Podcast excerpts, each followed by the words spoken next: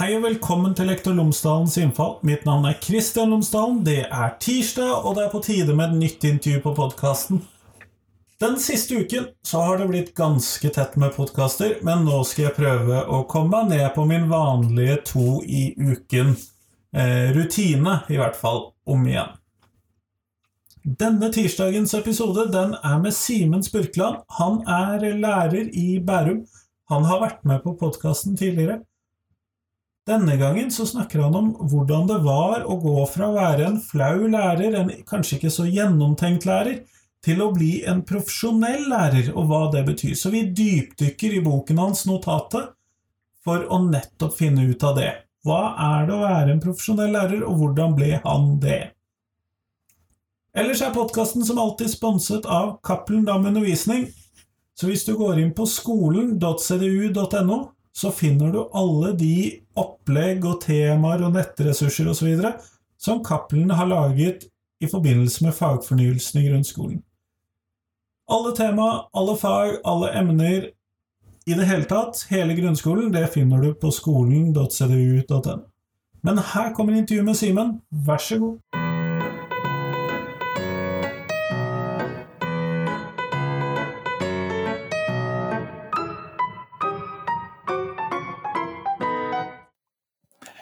Simen Spurkeland, tusen takk for at du har tatt deg tid til meg i dag. Takk for at du inviterte meg. Før vi starter intervjuet, og selv om du har vært med før, så vil jeg gjerne at du forteller lytterne mine tre ting om deg, sånn at de kan bli litt bedre kjent med deg. Ja, eh, jeg har skrevet bok, eh, som vel er noe av grunnen til at jeg eh, skal snakke med deg i dag. Jeg har byttet fra ungdomsskole til barneskole dette året her. Etter 20 år i ungdomsskolen så har jeg nå begynt å jobbe i 5. klasse. Og jeg har blitt en helfrelst, stisyklist. Etter at jeg tok meg råd til en altfor dyr elektrisk stisykkel, så sykler jeg nå tre ganger så ofte og tre ganger så langt. Så da kan man jo si at det funket, vil jeg tro. Ja, absolutt. Det er, altså, det er som jeg er en guttunge igjen som husker da jeg kjøpte min første BMX-sykkel for ganske lenge siden. Jeg har akkurat samme følelsen at jeg vil, jeg vil egentlig ut og sykle hele tiden. Og syns at alt annet hverdag bare er i veien. Men uh, det, er en slags, det er ikke akkurat en 40-års- eller 50-årskrise, men det er en gjenopp... Det er, en, eh, det er vel det sånn renessanse for sykkelgleden, rett og slett. Høres veldig bra ut, og du har helt rett. Det er jo pga. boken din 'Notatet' vi prater sammen i dag. Og da først så må vi jo starte med hva er dette notatet, før vi kommer litt inn på hva du skriver om? Ja. Nei, Notatet eh, er rett og slett et eh, dokument som er datert 3.8.2001. Eh, dette var før skylagringens tid, så jeg gjorde som man da gjorde når man skulle spare på ting. Jeg sendte en e-post til meg sjøl Um, og det notatet besto av 17 punkter som var en skisse til et foredrag jeg hadde lyst til å holde for lærerstudenter. Da hadde jeg jobbet i ett år, jeg var ferdig utdannet i 2000. Um, og hadde da jobbet ett år i, som en tiendeklasselærer med spesialundervisning musikk og engelsk som fag. Og hadde gått en bratt læringskurve, eh, som alle gjør når de kommer i praksissjokket. Hadde møtt veggen litt, hadde lært masse om ting som man må for å fungere i en skolehverdag, lærerhverdag.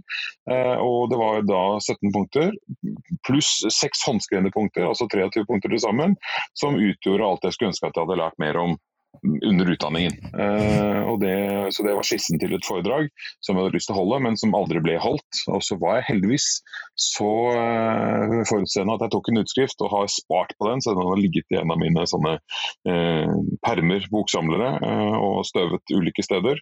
Og ble nå har blitt tatt fram og blitt laget en bok av. Så fire sider og 23 punkter har blitt til 27 punkter og 172 sider. Og 20 års erfaring mellom to permer.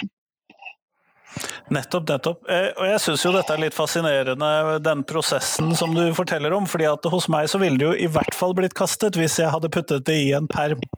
Eh, jeg tar vare på digitale ting og kaster papir. Ja, ja det, er, det, er, veldig, eh, som det også er et, en av anekdotene i boka, det er veldig atypisk. Altså min første, første vurderingsnotat på vurdering og setting av karakterer, det var en utskrift av et Excel-ark som jeg hadde brettet pent sammen fire ganger og som lå i baklomma på buksa mi. Eh, det var det jeg hadde av liksom, kontroll på karakterer det første året. Så ja, dette her er out of character, men men så jeg er ganske fornøyd med at jeg klarte å spare på det. for det det, det, har vist seg å være en veldig spennende prosess å skrive seg gjennom da, eh, i eh, disse åra jeg har brukt på å få det til å bli en bok. Jeg moret meg veldig over at du klarte å vaske denne karakterlisten din. jeg fikk altså så høy puls når jeg husket det minnet. Det, men jeg var jo da evig heldig over at jeg hadde skrevet noe med penn, så det meste var tydbart. Men det var eh, ordentlig eh, lavterskel arkeologi en periode der for å få fram de karakterene jeg hadde på elever. Helt fullstendig krise. En ting som jeg kjente meg veldig godt igjen i, eh, og som du beskriver, er dette med å være i et evig lærerråd. Og det er jo ingen tvil om at mange lærere er gift med andre lærere. Ja.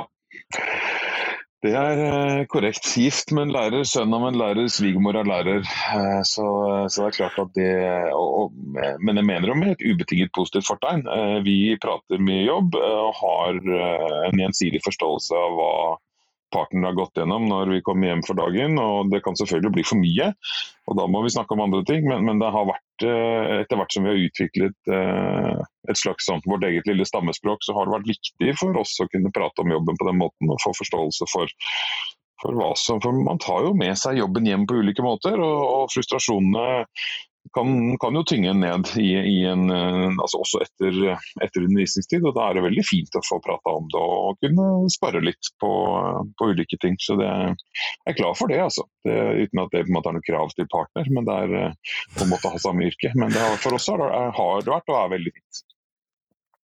Det kan jo kanskje være en del av dette praksissjokket da, som disse nye, ferske lærerne møter. Denne her eh, kanskje overraskende behovet for å måtte prate seg gjennom arbeidshverdagen når man kommer hjem eh, med noen som kanskje også forstår den?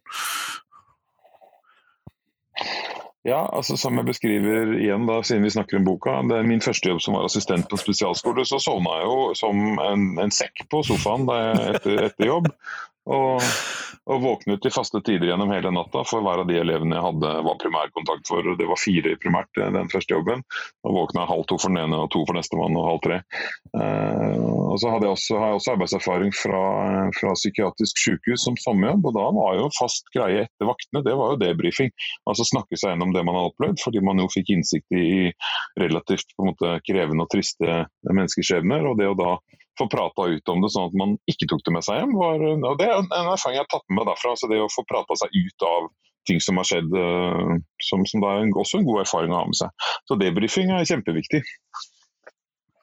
Jeg må innrømme at for min del så gikk det så langt at jeg trakk fram min kones elevsyn i bryllupstalen når jeg holdt den når jeg giftet meg nå.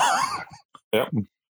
Ja da, og eh, eh, Men, Kona mi har også vært et tema på noen foredrag jeg har holdt, hvor jeg har fått lov til å bruke hennes anekdoter som mine. Det er fint, det.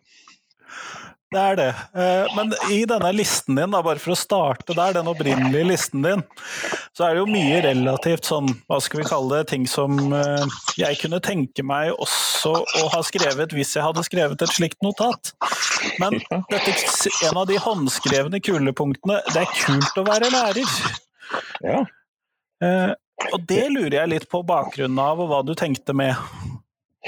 Nei, altså det er eh, jeg, eh, og det er klart at eh, det er 19 år siden, så, så akkurat Men jeg tror faktisk, og det er litt sånn out of altså Det avviker litt fra narrativet, men jeg tror det handlet om at det er at møtet med verdien av å møte ungdommene og det å få lov til å være en viktig voksen for ungdom som altså, Og det, det, går litt igjen. altså Jeg har et kapittel eller et punkt som heter roller også. det å oppleve liksom, hvor viktig man kunne være for, for ungdom, som man kanskje skulle tro at, at, at egentlig ikke brød seg om disse voksenpersonene og bare hadde lyst til å være andre steder, men at det virkelig var altså, Å slippe inn i, i sfæren til ungdommene. De glemmer jo at du sitter av og til og prater om de rareste ting hvis man bare har lange nok ører. At det er, liksom, at det er en hverdag som, som virkelig er, er oppfriskende å være en del av. Det, det opplever jeg jo fortsatt. Altså, nå har jeg bytta fra, fra 15-16-åringer til 10-åringer. Eh, og det er klart at sånn Rent sånn faglig nivå er, er, jo litt annerledes enn det var. Eh, det er vanskeligere matematikk i 10. klasse enn det er i 5. klasse. Det er mer håndverk kanskje på barneskolen. Det er virkelig, Jeg må, bruke, jeg må vri huet hakket med for å liksom, nå fram eh, og takle det litt sånn upolerte som en tiåring kan være.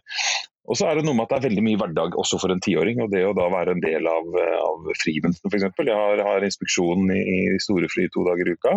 Og bare det å på en måte eksistere sammen med disse tiåringene når de kommer og, og, bare drar meg med inn i enten det er leken eller refleksjoner, det er jo altså, det er et fantastisk sted å være. Og det er berikende og spennende på en, på en måte som, som, andre bare liksom, Jeg tror ikke de skjønner hva de går glipp av når man bare liksom, slipper inn i hva disse små menneskene har av tanker. og som er er både meningsfulle og totalt uforståelige, ikke irrasjonelle akkurat. Men, så, det, så jeg tror det handlet om liksom, fascinasjonen over det å være lærer som rolle overfor elevene.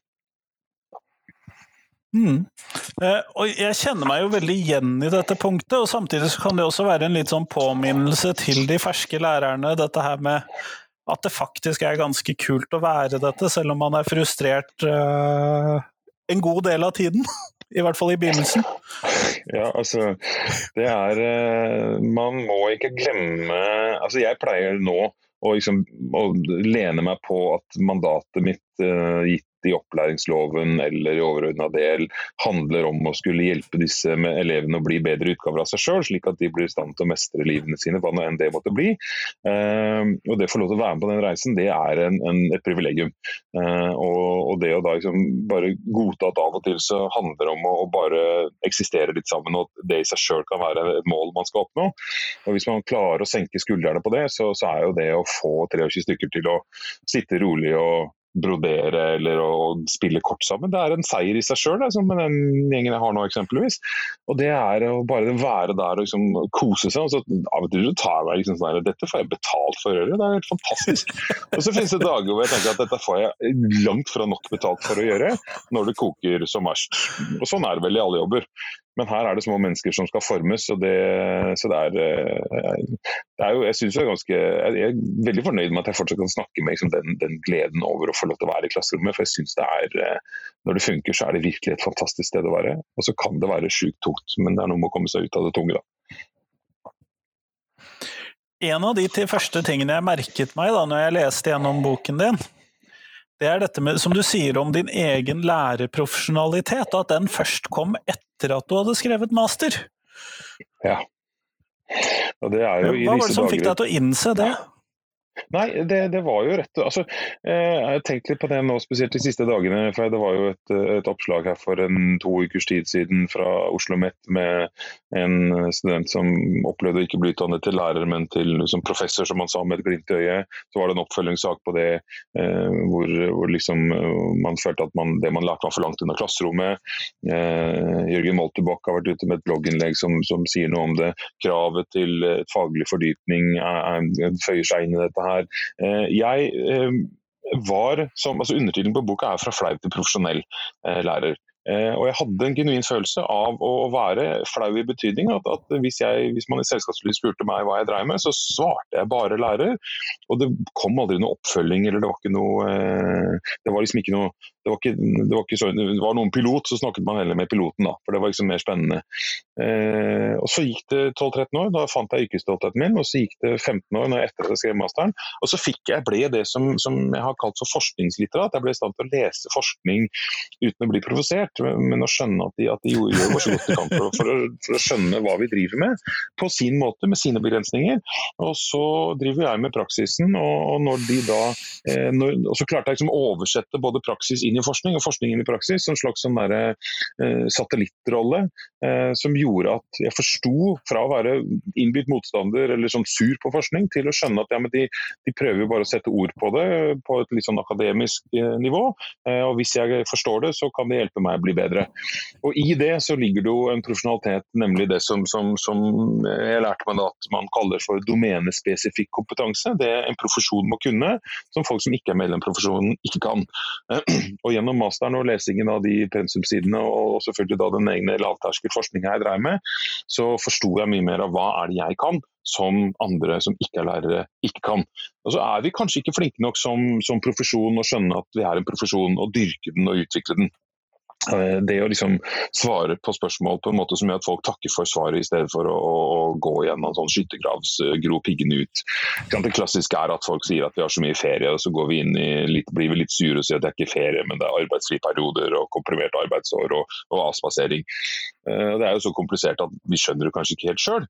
Eh, så det var det første som steg inn i stoltheten, at jeg slutta å krangle på det og si at ja, ikke si det til noen, vi har jo bare ferie. Så det er kjempefint å være lærer. Og så på en måte av liksom bare få fjerna den, den, den, diskusjonen. Eh, så, så det, den refleksjonen jeg gjorde, nå har jeg rota meg litt bort fra spørsmålet, men profesjonaliteten fant jeg når jeg ble venn med forskninga og klarte å sette ord på i de, det er vel fem punkter jeg bruker i boka, på hva som er rammeverket for å være profesjonell, og fylle det med et innhold som både var forskningsbasert og erfaringsbasert. Eh, og Det hadde jeg ikke klart å prate om før jeg var ferdig med masteren. og det var jo så Våren 2015 så klarte jeg å sette ord på hva profesjonaliteten var for meg. Eh, hvordan tenker du sammenhengen mellom eh, denne profesjonaliteten og det praksisfellesskapet da, som vi skal være en del av i klasserommet eller på skolen? Nei, så Det er helt avgjørende. Eh, for man blir jo ikke Jeg mener jo helt og i all sånn tilnærming til læring at man blir jo ikke god alene. Du klarer liksom ikke å bare sitte rolig et sted og tenke deg god uten å interagere eller samarbeide med noen på en eller annen måte. Eh, jeg har, har blitt den jeg har blitt som lærer pga. mine gode kolleger og ledelse, og selvfølgelig elevene og foreldrene. Men, men, men det, er jo, det, er jo, primært de jeg samarbeider tett med som har utviklet meg, og som jeg håper at jeg har utviklet gjensidig. Ehm, sånn at eh, Det teamet jeg begynte på i 2000, som da vi da var da fire stykker, eh, det var jo møte med dem og hvordan den skolen tok imot meg som nyutdannet, som, som bidro til å forme meg som lærer, i tillegg til at jeg hadde med meg fordommer og erfaring fra lærerskolen, selvfølgelig. Og det fellesskapet, som da er et profesjonsfellesskap og et praksisfellesskap, eh, var helt avgjørende for at jeg ble den jeg blei. Og det var noen kjempedype daler i de første syv åra på den første jobben. Samtidig så var det noen topper der som var Eh, så høye at, at, det liksom, at, det virkelig ga meg en lyst til å fortsette.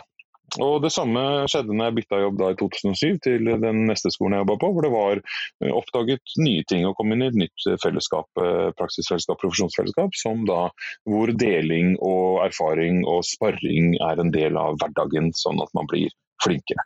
Og Det har vært helt avgjørende. Eh, men jeg har jo da vært eh, heldig, kanskje, fordi jeg har hatt gode ledere. Jeg har jobbet med dyktige kolleger. Det finnes jo masse dyktige kolleger, men så har man sikkert eksempler på at, eh, at samarbeid oppleves mer som, som ikke bortkastet tid, men at det tar for lang tid eller ikke fungerer optimalt. Og Da er det veldig lett at man murer seg inne i sitt eget klasserom og, gjør sin egen greie. Og det, Da tror jeg at utviklingen går saktere, fordi at da får man ikke sparra og bekrefta på det som måtte være suksess, eller lært av det som måtte være ting man mislykkes med. Jo, det er helt avgjørende eh, for å kunne utvikle seg sjøl og den skolen man jobber i. Og det må man gjøre sammen. Og Det gjør det jo kanskje desto viktigere at de som kommer rett ut av lærerskolen og inn i sin første jobb osv., for å minske dette praksissjokket, er å skaffe seg det nettet rundt seg til å ha dette fellesskapet som du snakker om. Ja, både så må de være aktive på det sjøl, og, og, så skal jo hver skole ivareta dem um, gjennom liksom, at de må ha mentorer eller hva det skulle være som hjelper dem å, å få bryna seg og få prata. Så det er, uh, men man, man, må, altså man, må, man, må, tørre å invadere folk, altså tørre å stille spørsmål, tørre å gjøre sånne ting. Og så må man la seg invadere. Uh, sånn at at man, må tørre at folk ser på det man gjør, og ikke, ikke hegne om undervisningen. At, liksom at det er hvis noen kommer inn og ser på deg, har noe å komme, så er jo det et bidrag for at du kan bli flinkere, og sånn må man se på det. Uh, og det å ikke ta det som kritikk at noen sier at ja, hvorfor, gjorde du det? Liksom, det er jo et interessant spørsmål som man da må våge å reflektere over, selv om det kan gjøre veldig vondt. Og det, det er jo det der kollegaveiledningen som, som, finnes i ulike former, er jo når det funker så er det jo helt fantastisk, når det ikke funker så føles det som man blir, uh, blir ja, invadert på en måte som man, at man går i forsvar. Og det krever jo Det er jo en egen kompetanse i seg sjøl, og klare å bli å utvikle seg ved hjelp av andre. Og det tar jo tid å, å bygge opp en trygghet som gjør at man, at man, får til det. Og Det er jo et ledelsesansvar primært. Og så må man ha et profesjonelt ansvar om å, om å våge å gå inn i det.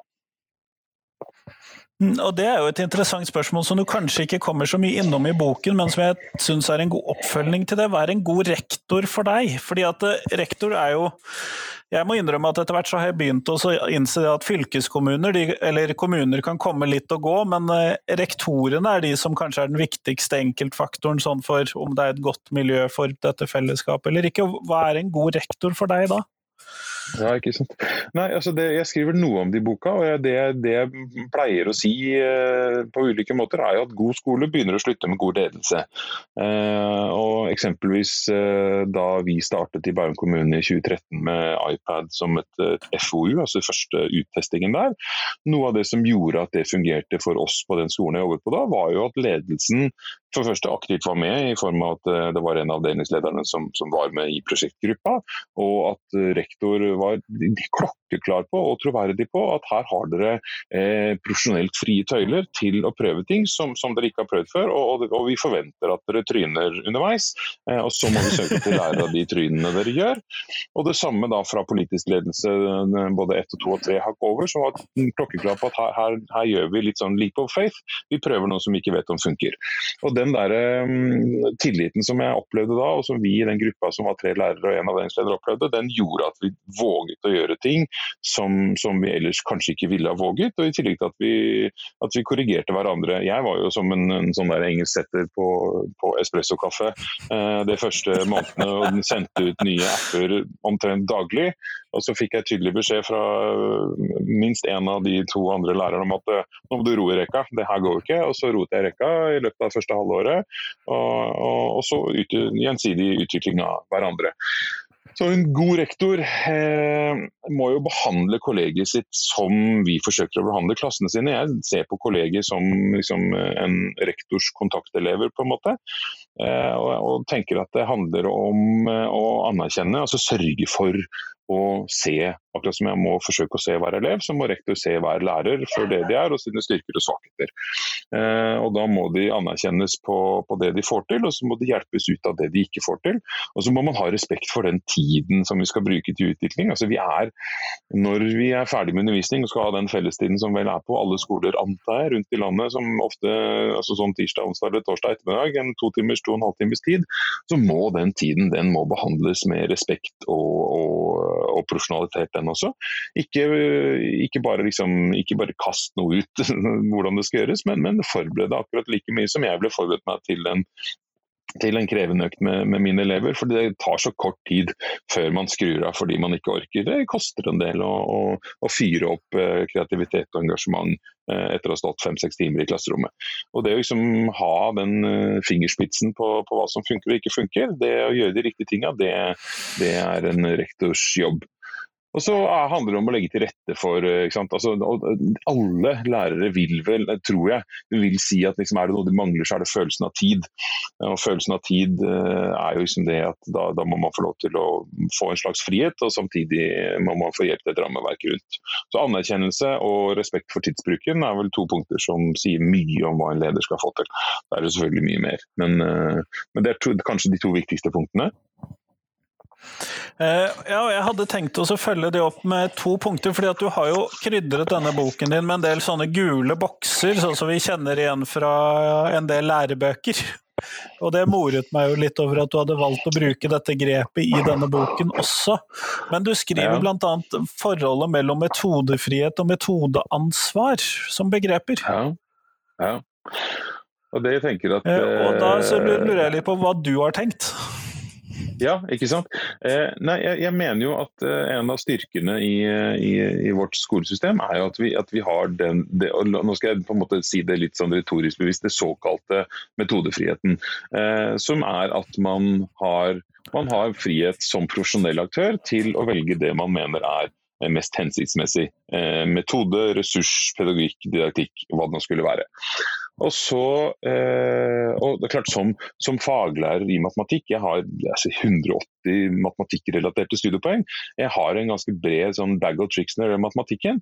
Eh, putter du meg inn i en gymsal, en, så har jeg, selv om jeg har erfaring med, med idrett, så er den, den, bag of tricksen den er ganske mye tynnere. Jeg bruker utrolig mye mer tid på å skape god eh, gymundervisning enn matematikkundervisning. Uh, og det er krevende på sine måter. Uh, sånn at den metodefriheten Eh, handler jo om å, å få lov å, uh, få lov til å gjøre det man, det man, mener er best. Men det følger da også et metodeansvar som handler om at hvis man ender opp med å, å ta sånn enkle løsninger, og ikke enkle, altså, de er ikke like dårlige, men hvor det kanskje blir litt sånn at man overlater ansvaret til det læremiddelet man har fått eller velger å bruke, eh, så mener jeg at de må utfordre den metodeansvaret. For det er, eh, det er ikke alltid at det eh, altså da, da, vi, da, medierer vi det som er intensjonen til læreverket. og det, det, krever også ganske mye av oss, men det er kanskje litt lett å da på en måte la, la, boka bestemme uten at vi helt har kontroll på hvor vi skal. At vi ikke har helt den der horisontkompetansen på, på, hva som er tanken bak hver aktivitet. Og Det er kjempekrevende. Det er, altså det, det, det, er utrolig og Det er det jeg har kjent mest på nå, i overgangen til, eller ikke mest, men veldig mye på i overgangen til barneskolen, er at jeg nå fra å være faglærer i musikk, som jeg, som jeg har bred utdannelse i erfaring i, og i matematikk, som var det jeg gjorde nå på ungdomsskolen, til plutselig da i tillegg ha eh, gym og, og, engelsk i tillegg. Jeg har også engelskutdannelse, men det begynner å bli lenge siden jeg har undervist i det. Og det å orientere seg i da eh, universet av læremidler og ressurser eh, jeg, har, har, jeg, har ikke, er ikke i nærheten av å være i mål, og jeg famler fortsatt en del sånn på å være sikker på at jeg syns strukturen jeg har valgt er god nok. Det er kjempelett å bare trekke ut den engelskboka som står i hylla, og bla opp på side fire og tenke at ja, vi prøver dette. Og så fungerer du absolutt bra, for unger er lojale og er ganske flinke til å spille skolespillet, men så blir jeg, og så er man fanget litt i det. Og der tenker jeg at den, der utfordres metodeansvar, metodefrihet. Når jeg da i matematikken så har jeg en klokkeklar idé om hva jeg har lyst til at skal skje. Um, og er, bruker ressurser for å hjelpe meg å strukturere, men, men skaper mye mer innholdet sjøl. For jeg har den faglige tryggheten og erfaringen på at jeg veit hva jeg vil. Jeg er ikke like trygg i gym og engelsk. Jeg svarte nesten på spørsmålet, i hvert fall. Jeg tror du gjorde det, altså. Men eh, jeg vil egentlig litt videre også, fordi at eh, en av disse vanskelige tingene som er en sånn løpende diskusjon som kanskje ikke bare går når man er nyutdannet, men som eh, også går etter lang tid i yrket, som jeg opplever at du bruker en del tid på, det er når slutter arbeidsdagen? ja. Eh, og så er det jo litt sånn eh, Du beskriver jo denne sovningen og dette at du våkner midt på natten og sånn, men og hvor tilgjengelig man skal være, er jo en forlengelse av dette. Mm. Hva tenker du der? Mm. Nei, det har endret seg veldig fra da jeg startet til hvordan jeg tenker nå. Uh, og Det finnes ikke noen fasit på det, for, for det, det, må man jo regulere etter hvor man er i livsfasene. Da jeg var uh, eh, 26 år gammel og, og, ikke hadde barn, eller hadde et barn som på en måte stort sett lå og purka på ettermiddagen, så hadde jeg jo tid til å kunne gjøre meg tilgjengelig. Uh, og så når man etter hvert for to unger som er i barnehagealder, så har man jo en helt annen type opplevelse av tid. så det finnes det ikke noe fasit på. vi har har jo fordelen av at arbeidsdagen kan flyttes og byttes litt på utover eh, undervisningstiden og, og møtetiden som, som, veldig ofte er satt. Eh, så jeg løste jo det ved å jobbe liksom sånn da på kveldstid og sånn i de åra hvor det var og, altså etter ungers eh, hadde sovnet og sånn, den type ting. Eh, nå løser jeg det ved å sitte lenge på jobben for å bli ferdig med ting, for å slippe å ha det med meg hjem. Eh, det er et privilegium jeg har nå som jeg har større barn. og det hvor, hvor tilgjengelig man skal gjøre seg, så må man regulere det. og Der må man jo øve seg på å sette de grensene som er. og Det har spesielt blitt utfordra nå med, med, med, stengt skole og hybridundervisning og den type ting. Eh, hvor man har eh, unger som av ulike årsaker ikke har kunnet få den hjelpen de har trengt underveis. Og som eh, får løst det når mor og far er tilgjengelig på kvelden. Og så plutselig så blir man sittende og, og vente på elevers produkter til, til seine kvelden. Eh, så, så der, det, der, må jeg bare rett og slett eh, si at jeg har ikke noe svar på det. Eh, jeg vet at jeg har valgt meg å gjøre meg tilgjengelig på en del sånn digitale flater opp igjennom, som jeg har, har fått, veldig, altså, fått stort utbytte av gjennom å være tilgjengelig på plattformer som ikke er så mange andre som har vært tilgjengelig på. Eh, og jeg tenker at det er viktig at man i et sånt eh, voksenfellesskap rundt elevene, at man har noen som kan fylle den rollen, men det er absolutt ikke et krav. Det er ikke et krav at du skal være TikTok-lærer eller Snapchat-lærer. Eh, hovedsakelig, så er det, hovedsakelig så er det tiden i klasserommet som man skal bruke på å få til å fungere så godt som mulig.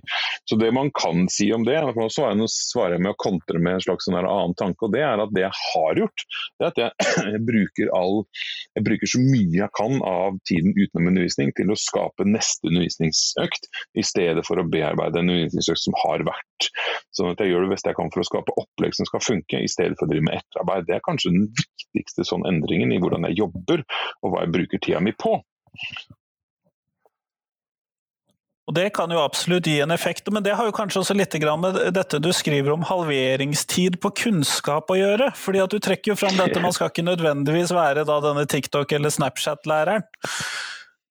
Eh, og det syns jeg jo var litt opplysende å lese. Ja, altså jeg eh, satt selv på foredrag for tre eller fire år siden og hørte den halveringstiden bli presentert. Eh, John Seeley Brown, som er mannen bak eh, begrepet, og som sier halveringstid på fem år. Og det er klart at det, De henger nok i noen grad sammen, men det handler mer om på en måte at, at, at elevene ikke skal utfordres kun på, på, på kunnskap, men også utfordres på på kombinasjonen kunnskap og ferdighet, og, og som blir kompetanser.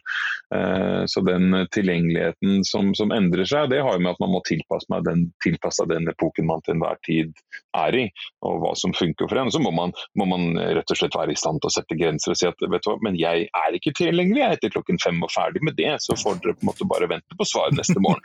Eh, så det og det, det, kan jo selvfølgelig være tøft. Og så tar man med seg da liksom skjebnene som gjør at man kanskje strekker seg litt lengre. Eh, som er noe av grunnen til at man også kanskje ønsker å være lærer. For det er jo det der å få lov til å være en viktig voksen som Det er i hvert fall en viktig del av det for meg. Å jobbe med menneskene. Skjebnene. Ja. Og det gjør jo at man kanskje er tilgjengelig for de fleste fram til klokken fem, men noen har lengre tilgjengelighet enn det. Jeg antar at de all, ja, ja, jeg vil tro at de fleste lærere har hatt noen elever som har tatt krypet litt, krypet litt lenger inn i hjerterota enn andre. Eh, og Da strekker man seg. Og, og så antar jeg at uh, også man har kjent at man kanskje har strukket seg for langt. Jeg har noen Eh, enkeltskjebner fra mine 20 år hvor jeg har strukket strikken lenger enn jeg burde, og det har gått på bekostning av meg sjøl. Det er jo ikke meninga, eh, så det, det, må man passe på. Men det, det, har fungert for meg fordi at jeg da har hatt kolleger som har trukket meg ut av det og hjulpet meg å innse det, selv om jeg egentlig ikke ville innse det sjøl. Eh, og det, det, er jo liksom, Utfordringen der, som jeg også nevner så vidt, det er jo noe med at det er, er, er kjempekrevende å stå i den førstelinja som vi er. Vi er førstelinjeforsvaret for elevene. Vi skal, vi skal se dem og gi dem begynneropplæring læring og sånne ting som, som, er kjempeviktig. Og så skal vi avdekke om de har noen utfordringer som, som gjør at de fortjener en ekstra hjelp, selv om alle skal få tilpasninger. Og hvis det går ordentlig gærent, eh, når de får problemer som, som er av en større art, så eh, har jeg opplevd i altfor stor grad at vi blir et førstelinjeforsvar som ikke har noen andre forsvarsrekker som tar over. Så når du har den eleven med skolevegring som slutter å komme, så er det altfor langt til neste eh, linje med hjelp som kan, kan, sørge for at den eleven blir sett. For jeg har mine 30 elever, og det er jo ikke meninga at jeg skal på hjemmebesøk til den eleven som ikke vil på skolen.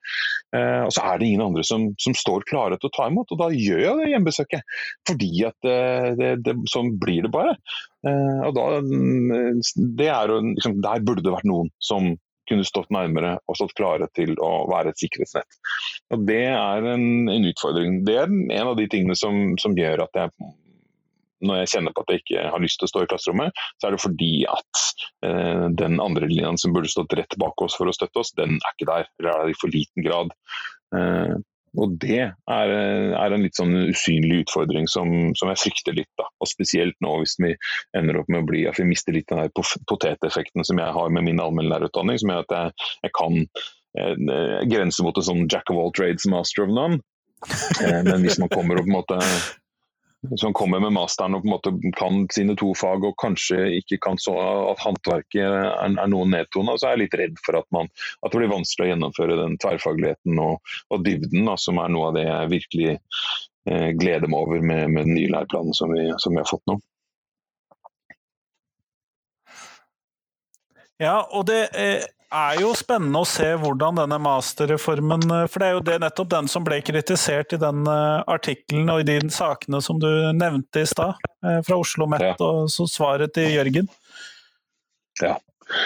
Og det er, altså, jeg, er, jeg er for faglighet. Så jeg, jeg, mener jeg Nå har jeg type syvårsutdanning, hvor jeg hadde fire som, som, som selve grunnutdanninga mi, og så har jeg tatt tre år med etter- og videreutdanning det, det bør kanskje ikke være nødvendig at man må ta så mye, men man må jo kunne faget sitt. Og så må man i tillegg kunne håndverket rundt, som pedagogikken og didaktikken da kan sies å være. Eh, og Så må man finne den balansen der eh, som, som, er imellom. Men, men, det er helt klart at man må Jeg er for at det skal være en, et fag til kravligheten fag krav til faglighet til oss lærere. Eh, og så er, det åpenbart at det kanskje tar, går for langt, at pendelen svinger for langt. At, man, at, det blir forskning, og at man glemmer at, man glemmer at, det, er, at det er i klasserommet hverdagen skjer. Um, og der er det jo, ikke sant, uh, Jørgen tar til orde for å endre praksis. Det, jeg kjenner også at jeg tror praksis kunne hatt godt av en, en revisjon. Um, og husker godt da jeg sjøl begynte på lærerutdanninga, så kom jeg også inn på et studium i, i Glostrup utenfor København samtidig, som jeg hadde søkt på litt sånn tilfeldig. Og der var en del av utdanninga, det var jo da tre lønnede praksisperioder. Eh, i løpet av tre år. Altså til sammen ett år lønnet praksis. og Det har jeg aldri glemt.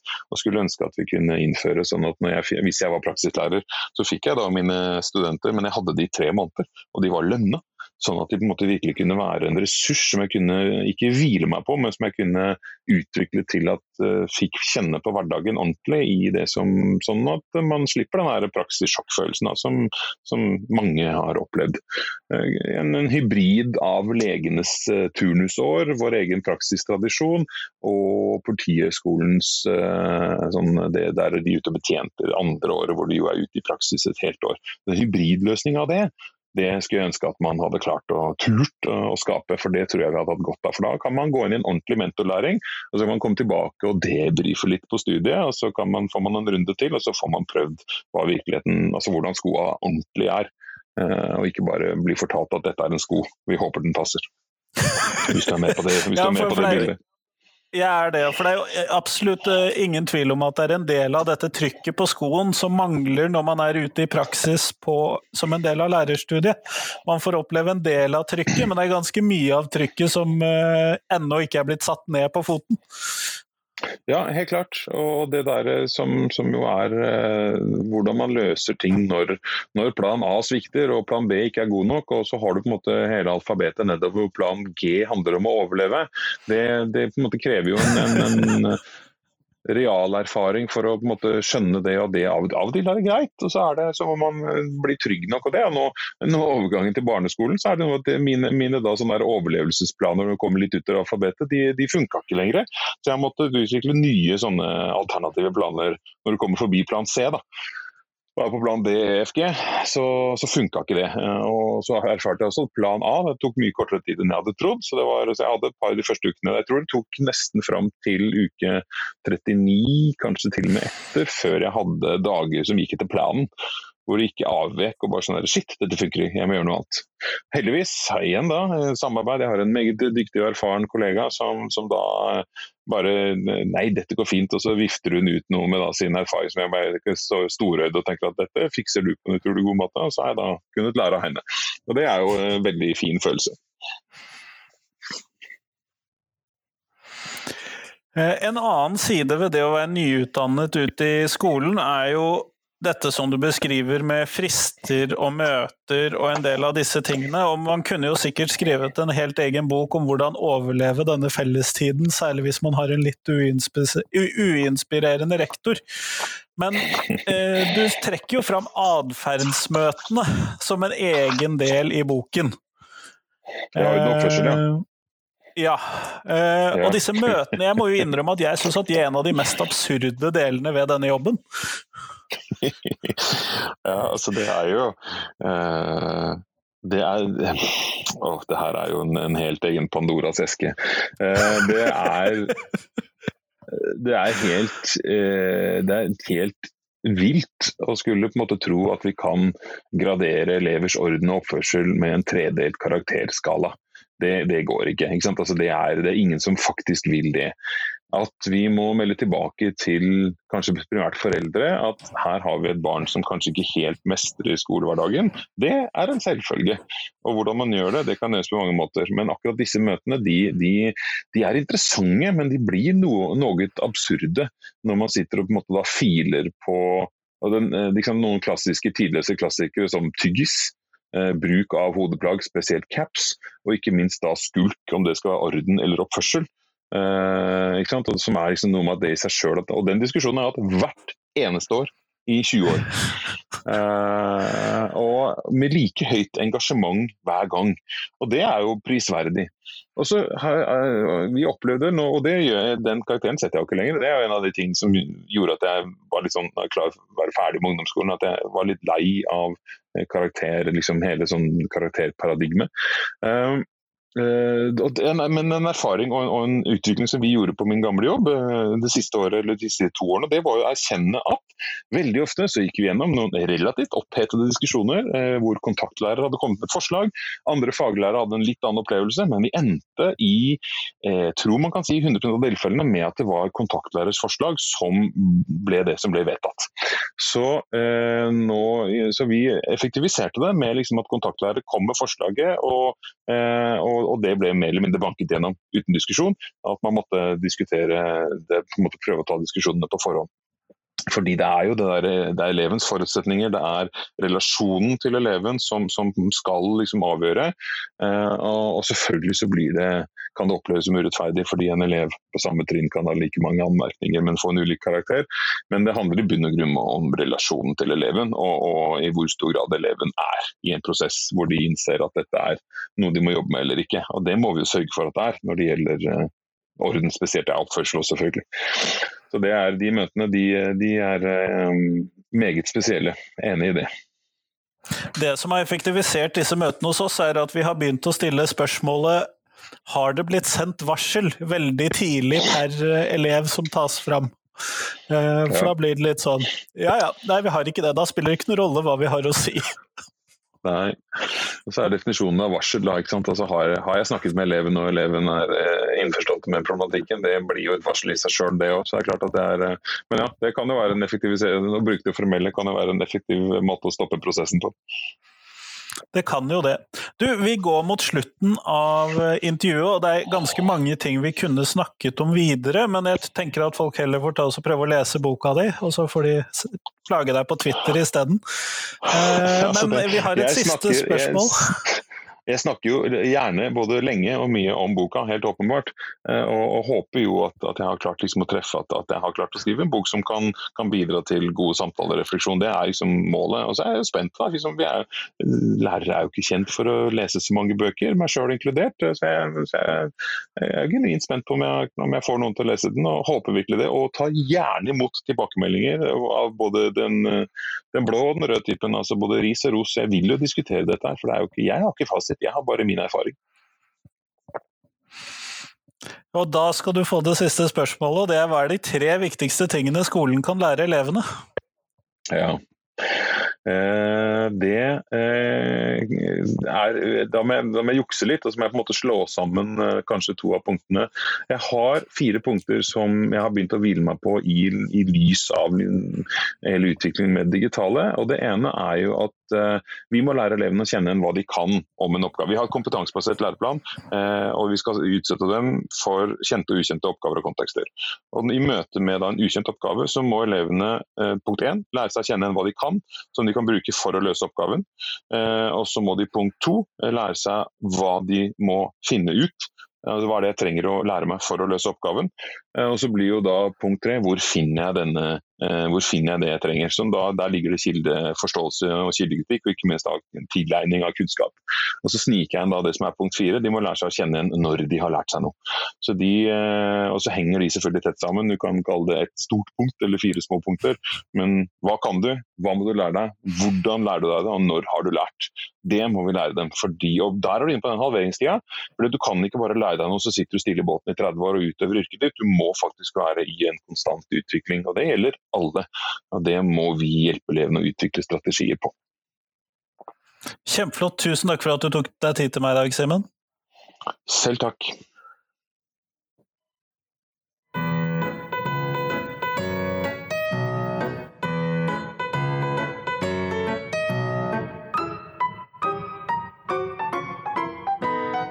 Tusen takk til Simen, og tusen takk til deg som hørte på.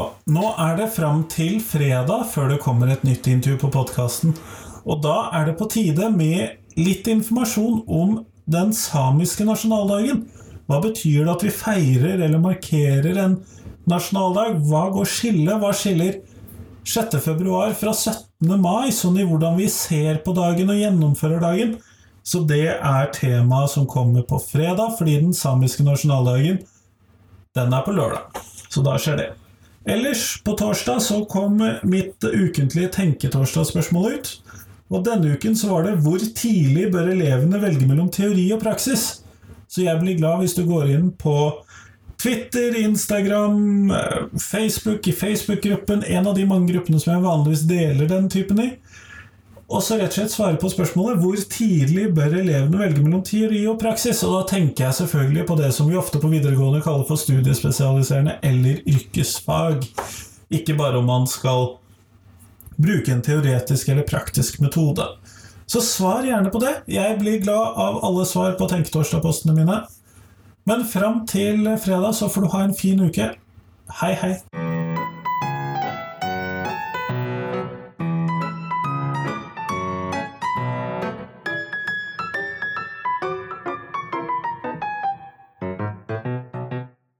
Jeg trenger tips ikke bare om mennesker jeg skal intervjue, men også om temaene jeg skal intervjue folk om.